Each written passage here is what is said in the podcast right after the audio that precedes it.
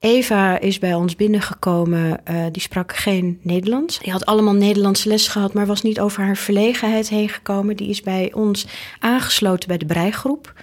Ja. En haar Nederlands is nu zo goed en ze is zo ver over haar verlegenheid heen dat ze in staat is om ook als daar tien mannen in pak zitten, um, om met blosjes te vertellen over wat het zelfregiehuis is in het Nederlands.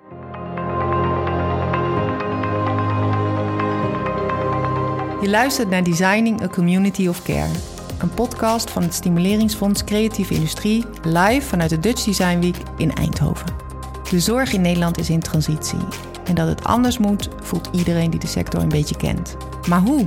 En wat kunnen ontwerpers hieraan bijdragen? In deze podcast praten we met mensen uit de zorg over hun ervaringen met ontwerpers. Mijn naam is Jetske van Oosten, programmaleider van de actieagenda Ruimtelijk Ontwerp bij het Stimuleringsfonds en samen met Piet Peters, hoofdredacteur van Zorg en Welzijn, praat ik het komende half uur daarover met Milja Kruid, initiatiefnemer van het Zelfregiehuis in Rotterdam-Delfshaven. Milja, mogelijkmaker staat er in jouw LinkedIn-profiel. Wat moet ik me daar eigenlijk bij voorstellen? Ik vind het heel lastig uh, om op dit moment te benoemen wat ik doe in de stad. Um, het gaat om Rotterdam, hè? Het gaat om Rotterdam, Rotterdam-Delfshaven. Um, en ik heb een, uh, een rol waar nog niet zoiets voor bestaat als een functieprofiel uh, of een functienaam. Dus uh, ik heb de ruimte om zelfbedachte verwoordingen te kunnen kiezen. En op dit moment is dat mogelijkmaker. Over drie maanden kan het anders zijn. We hadden een podcast hiervoor hadden we een strategisch alliantiebouwer. Ja. Doet ja. dat wat met je of is dat dan weer net te zwaar? Nou, dat is wel heel erg systeemtaal hoor, voor mij. Precies. Dat is dan wel weer heel erg van boven naar beneden. En uh, uh, ik ben veel meer vanuit het doen en in zo'n feedback loop met het proces en de dingen die er gebeuren. Ja. En, en, wat is dan je achtergrond? Wat maakt dat je een mogelijkmaker nou, kunt worden? Nou, ik heb geen formele achtergrond. Ik ben autodidact. Je, je, je komt wel ergens vandaan. um, ik heb ooit drie jaar kunstacademie gedaan. Oké. Okay. En um, um, toen ging het buiten de academie, kreeg ik meer en leukere feedback op de dingen die ik deed dan binnen de academie. Dus ben ik op de academie afgehaakt en gewoon aan het werk gegaan uh, in de kunstsector. Dus uh, regelwerk gedaan voor theatergroepen. En Mogelijkmaker. Mogelijkmaker, ja. En um, toen heb ik vrij jong een kind gekregen. Ik was net 24, dus voor mijn generatie is dat jong. En toen kreeg ik ineens hele hevige behoefte aan uh, orde, rust en regelmaat. Mijn dochter had dat veel minder, die was flexibeler dan ik. En toen kreeg ik behoefte aan vast inkomen. En uh, haar vader werkte ook in de kunstsector. En dat was voor mij te veel chaos. En toen ben ik bij een organisatie, een adviesbureau uh, gaan werken als mogelijkmaker. Nog steeds? ja op een gegeven moment uh, uh, daar weggegaan en uh, me ingekocht bij een onderzoeksbureau. En daar was mijn functietitel factotum, dus ook een vorm van mogelijk maken. een soort manusje van alles, factotum. En ehm, dat was een fof. En toen mijn partner en ik inhoudelijk uit elkaar groeiden, vonden we de vriendschap belangrijker dan het bedrijf. En toen ben ik gestopt met samen in het bedrijf. dus ik ben nu 13, 14 jaar ZZP'er. Ja. En ik werk sinds een jaar of uh, acht uh, van onderop in de wijken. En de eerste projecten die ik deed, dat was in de periode dat buurt- en clubhuizen gingen sluiten. En heb ik bewonersgroepen ondersteund in het uh, voormalige buurthuizen in zelfbeheer nemen. Ja, en toen ben ik verliefd geworden op die processen. Ja, ja dat vermoedde ik. Dat het is echt geniaal, is dat. Wat een weerbarstigheid, wat een weerstand, wat een... Ja, mensen overtreffen zichzelf. Uh, ontroerend mooi. Acht, negen jaar geleden daar dus aan begonnen, om ja. het maar zo te zeggen. Ja. Um, uh, nu aan het werk onder meer in, in Delfshaven. Ja. Uh, meer bijzonder bospolder tussen dijken, zeg ik dat goed? Ja. Um, um, een van de dingen die je daar doet is het zelfregiehuis. Ja. Kun je, kun je en het is moeilijk, want je moet erover gaan vertellen nu. Maar ja. kun je een beetje een idee geven hoe die plek eruit ziet? Ja. Wij lopen nu door dat zelfregie. We staan nou, voor de deur. we staan eerst nog even buiten. Want ja. de wijk eromheen is wel heel... Uh, uh, Bospolder Tussendijk. Het zijn twee wijken van ongeveer 7000 mensen. En uh, Tussendijken uh, is daarvan het deel met de meeste uitdagingen. Het zijn twee wijken op de noordelijke Maasoever die uh, echt stadsprofielen hebben. Vergelijkbaar met wijken op Zuid, waar een speciaal nationaal programma ja. draait. En um, Tussendijken is een wijk met kleine huizen, waar in die huizen heel veel mensen wonen. Dus zodra het lekker weer is, is iedereen op straat. Het is een wijk die heel lang weinig groen heeft gehad. En Park 1943 is een gevolg van een, um, een bombardement van de geallieerden in 1943. En die wilden een havengebied bombarderen. En lieten de bommen te vroeg vallen. En dat is midden op een woonwijk terechtgekomen. Dus er is een gat in die woonwijk geslagen. En daar is een parkje gekomen. En dat heet Park 1943. Dat is tot voor drie, vier jaar geleden was dat het enige groen in de wijk. En daar liggen scholen omheen. En een van die scholen, het zijn scholen uit de twintige jaren, baksteen. Um, een beetje uh, uh, Rotterdamse, Amsterdamse stijl. Dus een bepaald soort van vormgeving in die ramen en zo, die wat sober is, met mm zekere regelmaat. En daar zijn tweede helft tachtige jaren zijn er van die puisten aan, die, aan dat gebouw gezet. Ja. Die ontzettende lelijke uitbouwen. Waar ook die slecht aansluiten op dat oude gebouw. Het gebouw is verwaarloosd. Is, uh, dat zie je ook aan de buitenkant. Uh, ramen zijn gerepareerd met puurschuim en overgeschilderd. Leegstand? Um, antikraak. Mm -hmm. Dus uh, sinds januari 2017 zit het in het antikraakbeheer. En de eigenaar is de gemeente Rotterdam. En de gemeente Rotterdam wil er vanaf. De gemeente Rotterdam heeft, uh, is bezig met het verkopen van vastgoed. En dit gebouw staat op het lijstje om de verkoop in te gaan. Het is tot uh, januari 2017 in gebruik geweest als vrouwen empowerment centrum, een buurt- en clubhuis speciaal voor vrouwen. Delfshaven is een van de gebieden van Rotterdam waar veel vrouwen verborgen achter de voordeur zitten.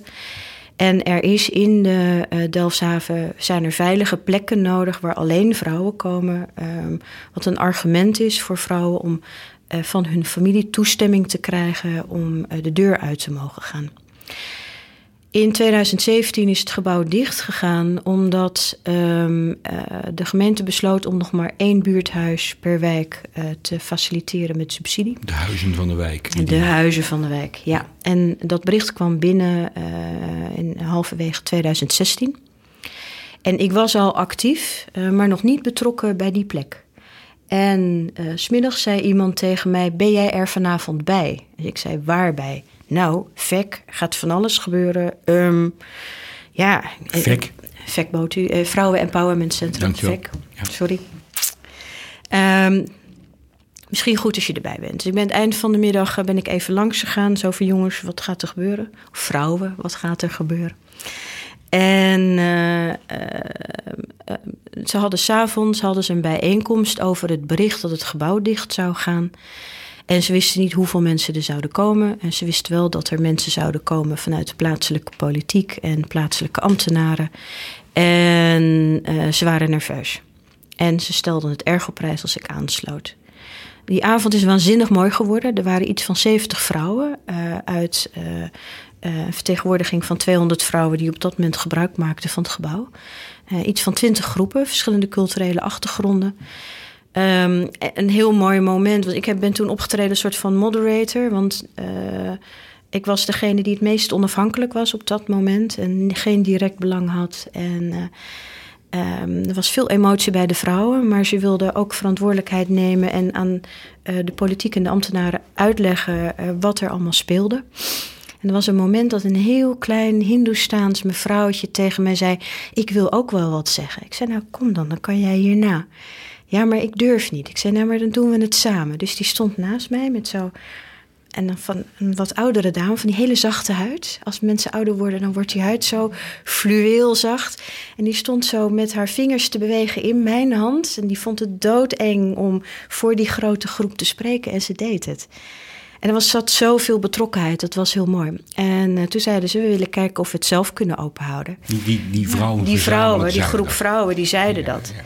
En toen zeiden mensen van, nou ja, Emiel, jij weet iets over zelfbeheer. Zei, nou, als jullie dat willen onderzoeken, wil ik jullie daarbij ondersteunen. En toen zijn we die zomer ingegaan, heb ik met een werkgroep van die vrouwen gewerkt op... De zomer van 2017? 16, 2016. Toen waren ja. we nog, ja. ja. Uitkomst van dat proces is dat ik uh, aan, uh, na de zomer uitgelegd heb aan weer zo'n grote vertegenwoordiging dat het heel goed was dat het gebouw dichtging, want de bezettingsgraad was echt veel te laag. Dat ging never nooit niet lukken uh, om die bezettingsgraad binnen een half jaar omhoog te krijgen, zodat het rendabel zou worden. En geen van die groepen was bezig met geld verdienen. Dus hoe ga je van helemaal geen geld verdienen en breiklubjes en fietsclubjes. En het is echt dat hele laagdrempelige welzijn van die eerste stappen van Ja. activering. Ja. Daar valt geen geld mee te verdienen. Dagbesteding. Hoog, Ja. Kun je het noemen, hooguit. Ja, maar dan wel, ehm, ja, dat, dat heeft een beetje een connotatie bij mij. Ja, Ik, ik doe er onvoldoende recht aan als ik het zo noem. ja. Ja, oké. Ja, weet je wel. Ja. Effect Sorry. van dat, eh, van dat hele proces is, is dat er een nieuwe, kleinere plek gekomen is, beschermd eh, eh, voor vrouwen, eh, betaald door de stad. Dus Mhm. we hebben een lobby gedaan samen met de plaatselijke politiek en ambtenaren. En dat is gelukt. En dat is gelukt. En het tweede was eh, dat het gebouw ging in anti-kraakbeheer en dat wij de zijvleugel, dus één klaslokaal met een keukentje, pantry, eh, opslag, zoiets. Ehm, dat wij eh, die, dat zijlokaal kregen. En ehm, ehm, daar moest iemand garant voor staan, dus heb ik persoonlijk garant voor gestaan. Wat is garant staan dan? Wat is Eh, dat, dan? dat op het moment dat zij hun huur niet betalen, dan word ik aangesproken voor de huur. Oké, Ja. zo. En toen zijn we met een groep zijn we doorgegaan op. want een van de resultaten van dat proces was dat tegen die vrouwen tegen mij zeiden: van nou, twee jaar geleden, we hadden een coördinator, die is wegbezuinigd. Dat overviel ons, dat zagen we niet aankomen. We zagen het besluit om het gebouw te sluiten niet aankomen. En ehm, eh, we verdienen geen geld. Ehm, er gaat iets helemaal mis met ons emancipatieproces. Wij moeten met elkaar gaan hebben over geld verdienen en hoe we dat doen. En toen heb ik gezegd van nou, dan heb je mij. Ik doe mee. Ik ben verliefd. Ik eh, count me in. Ja. Ja, ja. En, van, ja, toen ben En, ik, en is, eh, dat het, dat, is dat het begin dat van het, zelfregiehuis? geweest, Van, zoals we ja, ja, dus ik ben daar eh, in 2017 hebben we een heel proces gedaan met het opstarten van een groepsonderneming. Eh, een soort van voorloper van een werkcoöperatie, maar heel klein. Stichtingje waar mensen eh, opdrachten doen. En eh, dan blijft er een beetje geld van die opdrachten over. En dat is geïnvesteerd in een lok naar machine. En in allemaal kleine dingetjes die er nodig waren. Ja. Maar ook in vrijwilligersvergoedingen. En- En daar vandaan, ik ben daar één dag in de week gaan zitten. Mhm. En die groep vrouwen die was bezig met elkaar. En er was eh, eh, één iemand die had een, een, een beperkt aantal betaalde uren. En die komt uit de community art. En die heeft een hele natuurlijke, organische manier van vanuit een soort van presentie werken. Dus vanuit er zijn met haar hele hebben en houden. Nou, er was allerlei uitwisseling tussen die vrouwen. En eh, nou, ik kende zelfregie als eh, vervolg op de rehabilitatie-herstelbeweging. Ja. Ik heb zelf cliëntervaring binnen de GGZ, dus ik had dat gevolgd. Ehm, herkende wat er gebeurde en ben gaan uitleggen dat wat zij aan het doen waren, dat dat een brede beweging is. Ehm, en dat gaf ook, eh, dat werd een soort van vliegwiel binnen het proces. En, en zo is het zelfregiehuis eh, begonnen. Ja, en dan, ehm, dus het, je, maakt zichtbaar dan ook dat het deel uitmaakt eigenlijk van een bredere maatschappelijke beweging, met name in de gezondheidszorg, waarbij wij mensen die eh, ontwikkeling zelf eh, doormaken, wat je inderdaad ook relateert aan de GGZ. Ehm, ik- zoals het nu is, hè? En, en we staan nu voor dat zelfregiehuis Ja. even. Wat, wat, wat zien we dan als je daar op een doordeweekse dag komt? Wat, wat, wat maak je dan mee? Nou, dan sta je voor de deur en dan bel je aan en dan reageert er niemand. En dan realiseer je je dat, dat je een instructie hebt gekregen in je mail. En dan open je je telefoon en dan kijk je, wat, wat hadden ze nou ook Oh, weer? gezegd, oh, maar- ik moet links de tuin in. Oh, er is een tuinhekje. Dan duw je tegen dat tuinhekje aan, dat gaat niet open. En dan hoor je een hoop gekraak van dat hekje. En dan roept er iemand van binnen, die roept, douwe!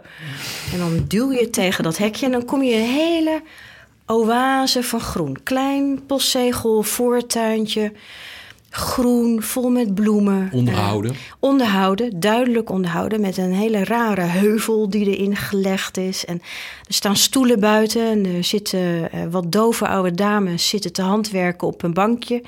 En die vragen dan: eh, Hoi, heb je een afspraak? Ja, ja, ja, ik kom. Oh, dat, dat is de balie. Dat, is, dat zit daar.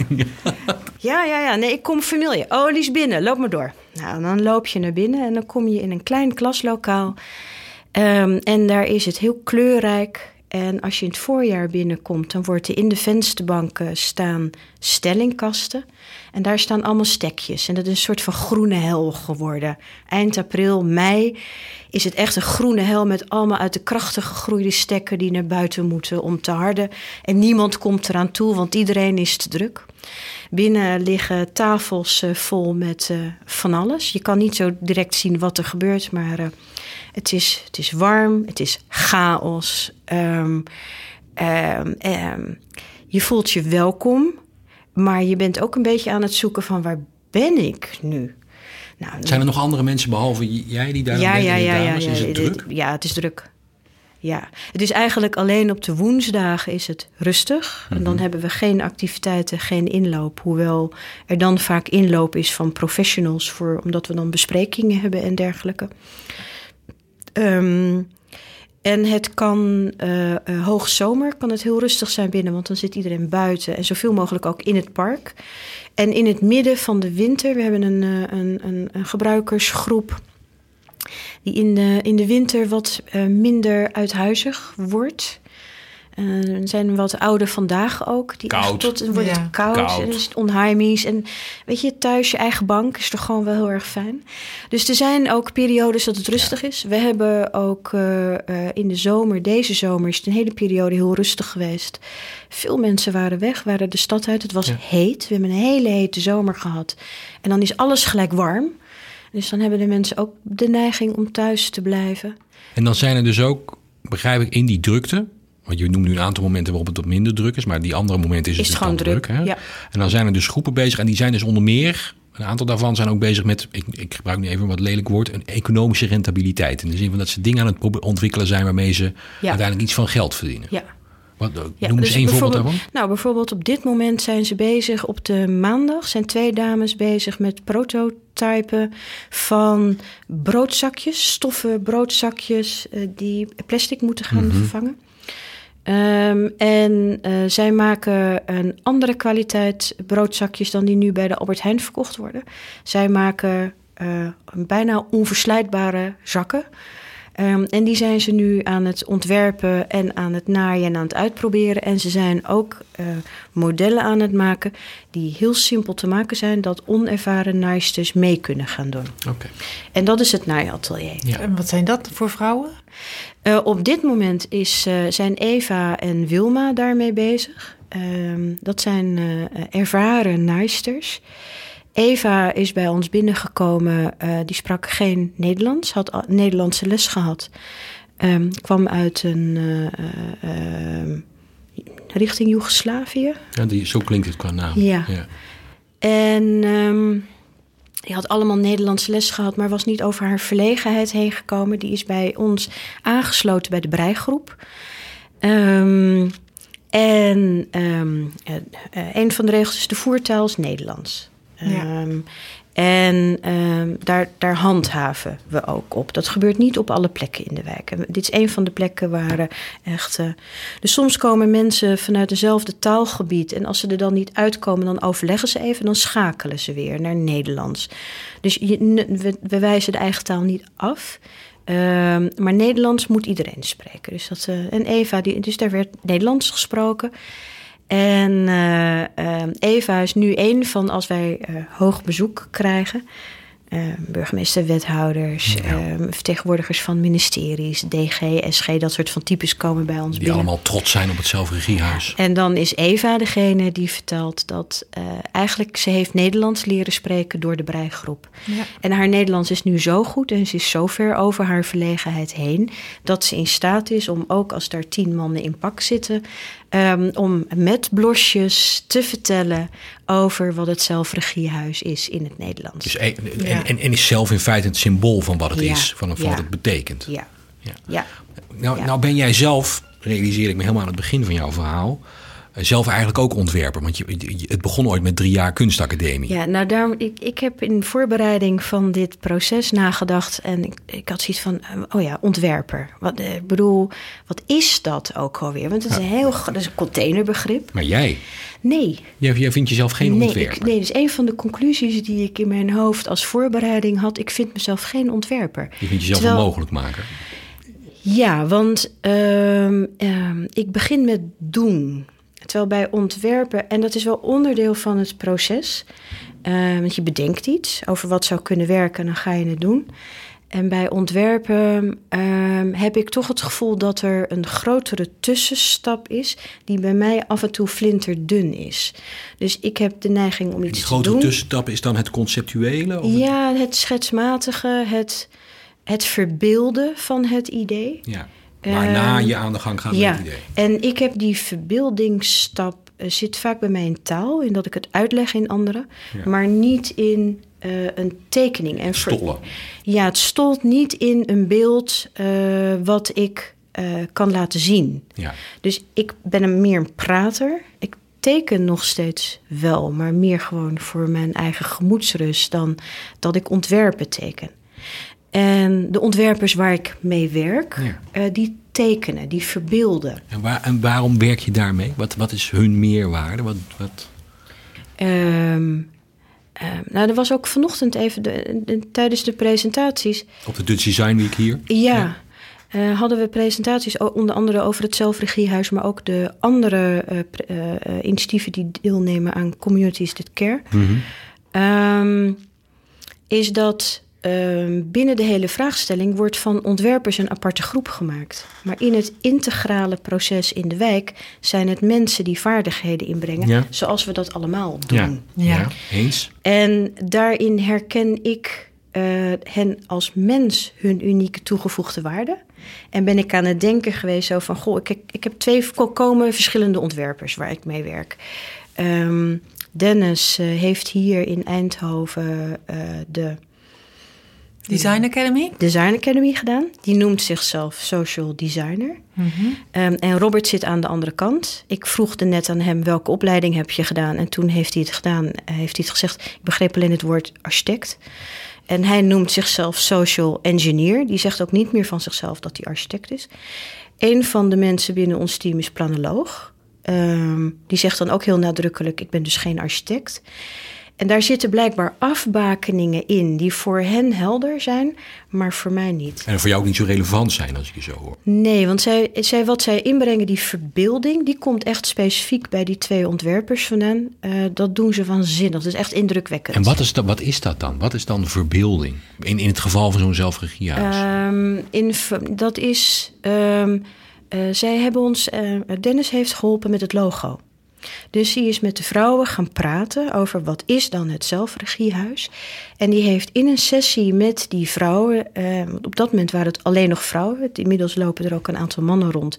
Maar omdat we begonnen vanuit zo'n vrouwenhuisachtige setting, Ja. heeft het een hele tijd geduurd voordat mannen zich vrij genoeg voelden om aan te haken. Maar Dennis heeft een sessie met hen gedaan waarbij zij zelf aan het schetsen zijn op basis van het inhoudelijke verhaal. En daar heeft hij een vertaalslag van gemaakt.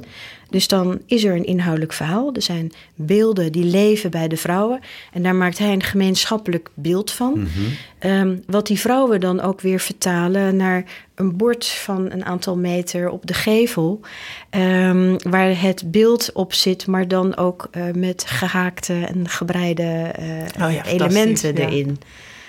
Ehm, Ik heb nog niet gehad, vandaag, dit is het moment van alle podcasts vandaag waarbij ik dacht, nu had ik beeld willen hebben. ja, ja, ja, ja, ja. Ja, maar die, ja, dus, ja. Ik- Ja, het is niet anders. Helaas, helaas. Jullie moeten het doen met mijn stem. Ja. En wat Robert gedaan heeft, ehm, eh, op het moment dat wij het verhaal van het zelfregiehuis eh, eh, houden, dan plaatsen we dat ook in een bredere context eh, van wat er allemaal in de wijk aan in de hand is. En Robert is dan in staat om eh, kaarten te maken waarbij de verschillende initiatieven zichtbaar zijn. ehm, en hun relatie met de omgeving. Dus hij is Google Maps, maar dan Ja. voor, voor precies. op dit niveau, Ja. voor, of voor het sociaal domein, voor de sociale kwaliteit van Delfshaven. Ja, en, Contextmapping. ja, precies. Dat soort van dingen, daar, daar Veel is mooier. hij ontzettend goed in. En wat Dennis heel erg doet, waar ik heel veel aan heb, is ehm, wat is nou de eerste kleinste stap die je kan zetten? Zo van maak het klein, maak het klein. Robert is heel erg goed in maak het groot, maak het groter.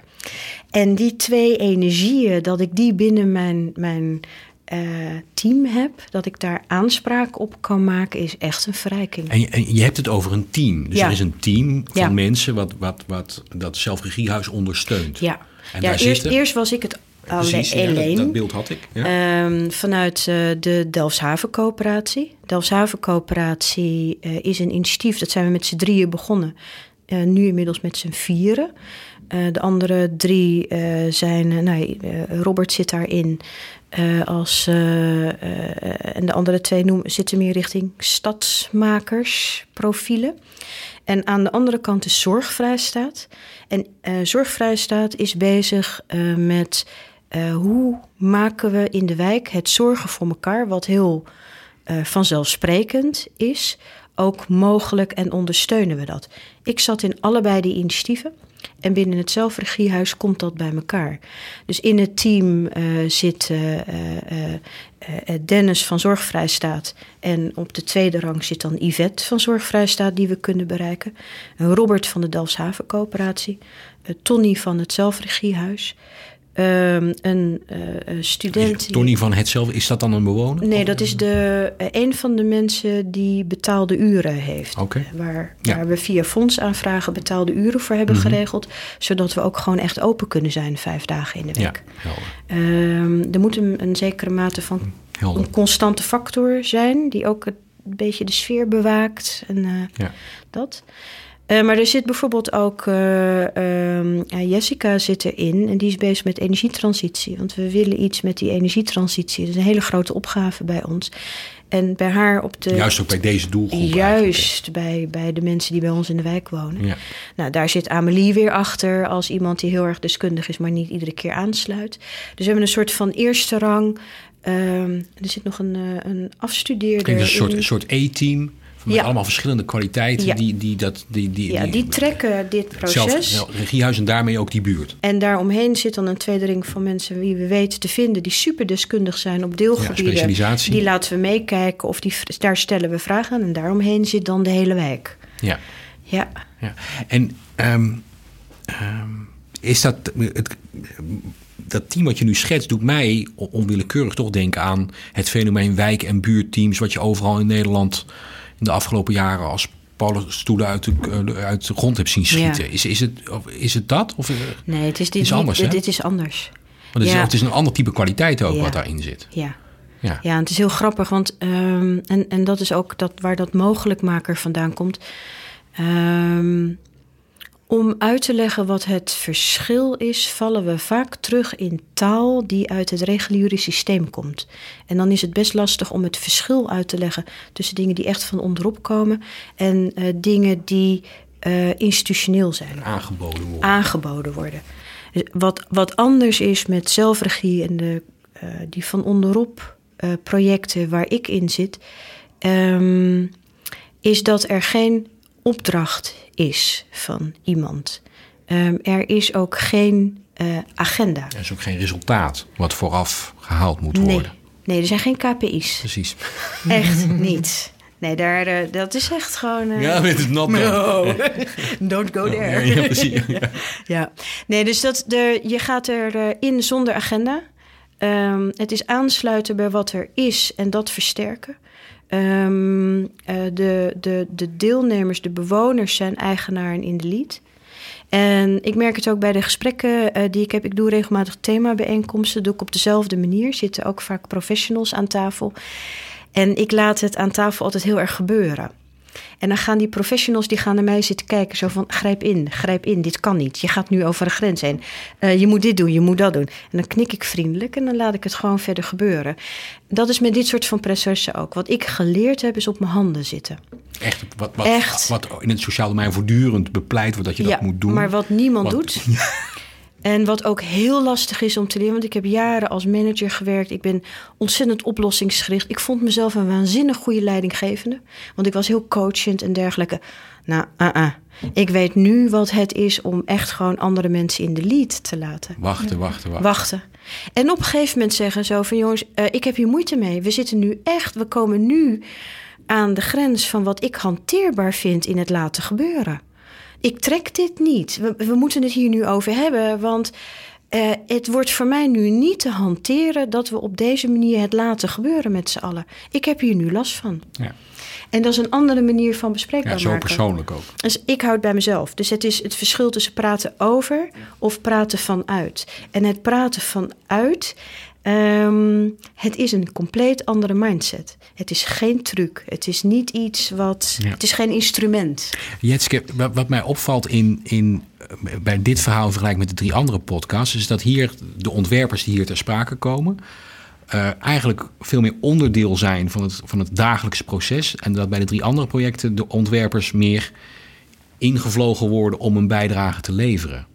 Zie ik dat goed? Ja, nou, deels. Ik vind het, we spraken net met uh, Ronald van Dijk. En die werkte samen met Cascoland in de Van Dijsselbuurt. En uh, ik denk dat uh, Cascoland er als werks, werkwijze heel erg tussenin zit. Juist omdat zij ook zeggen: ja, als we hier in die wijk gaan opereren, dan is het één, dan willen we dat voor de lange termijn doen. En dan willen we dat op een plek doen en daar gaan zitten in die wijk. Ja. En dat is wel de enige manier om daar ja, die rol eigenlijk te pakken. En in het, nou ja, in, terwijl we hier naartoe liepen, vertelde hij ook al van ja, en dat kunnen zij ook, omdat ze niet van, in dit geval was dat dan Rochdale zijn. Dus juist omdat ze als ontwerper buiten de instituties zitten, kunnen ze ook op een andere manier en veel makkelijker zich daar nestelen. Zijn, zijn zij ook die groep die al acht jaar in die wijk hun eigen bureau hadden of niet? Uh, weet je dat niet? Nee, ik weet wel dat ze. Dat kan heel goed. Ze hebben wel langer in een andere wijk ook gezeten. Maar of dat ze daar dan ook hun bureau gehuisvest hebben, weet ik niet.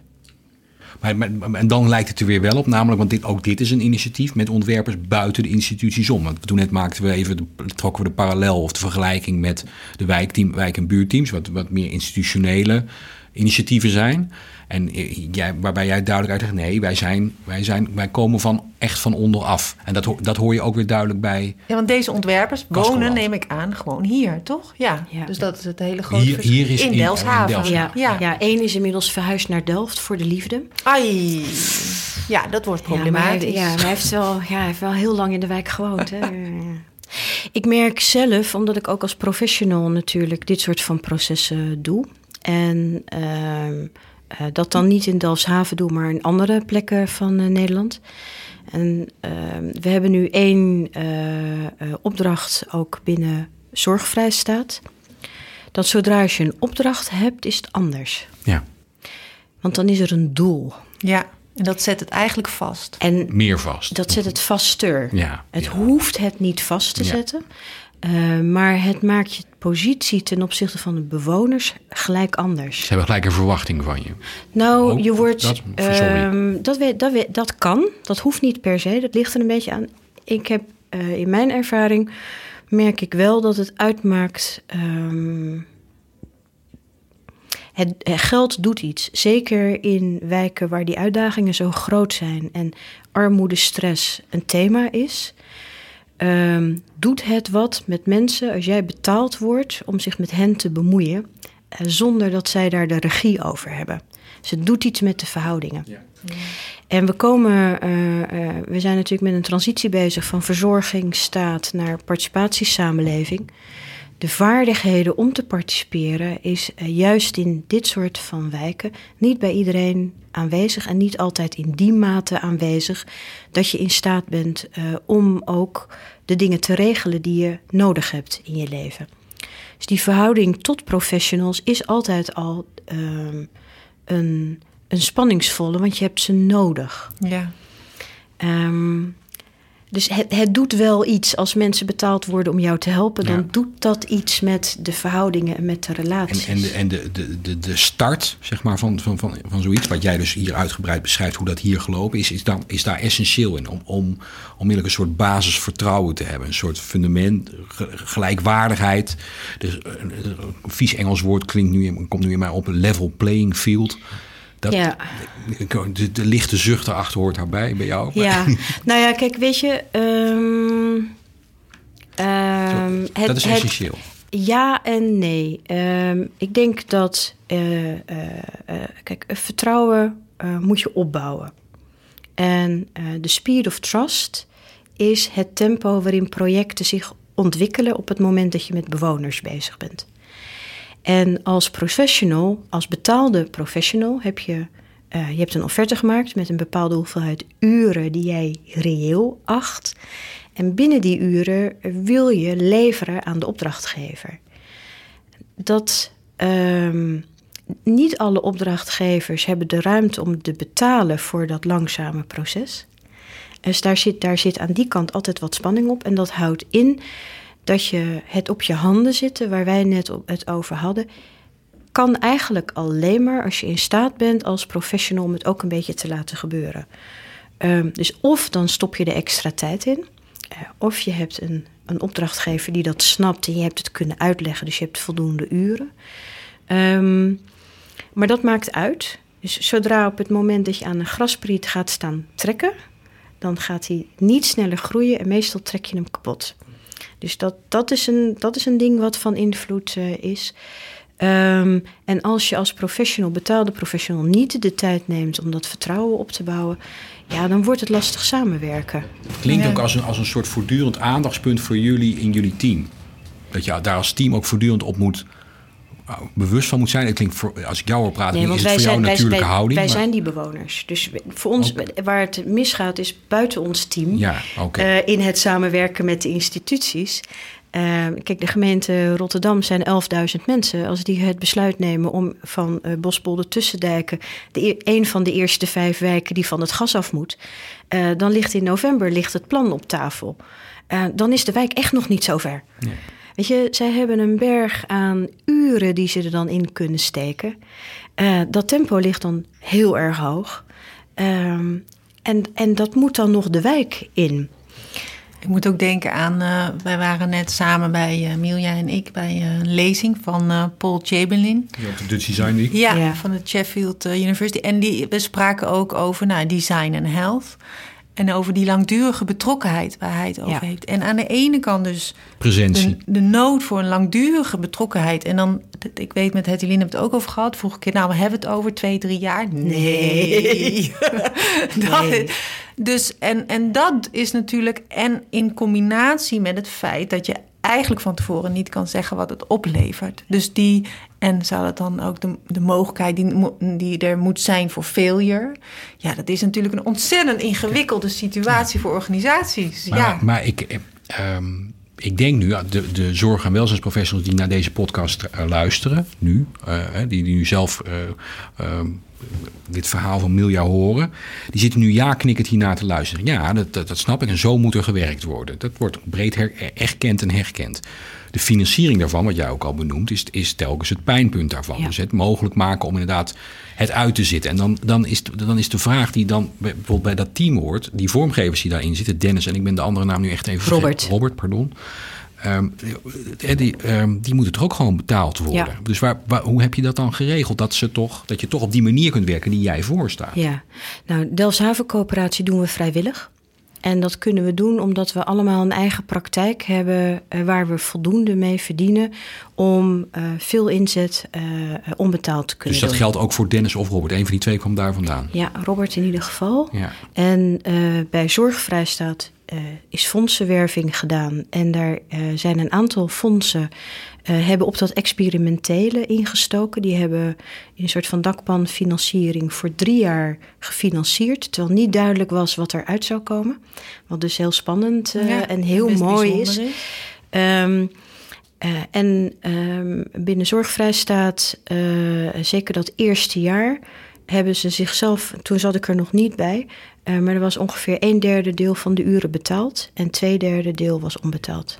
Maar de, maar de uitdaging ligt hem dus nu, misschien is dat ook wel een uitdaging voor vormgevers op een ander, ander, op een ander domein, om ook institutioneel ruimte te gaan maken voor deze manier van werken. Dat is de vraag.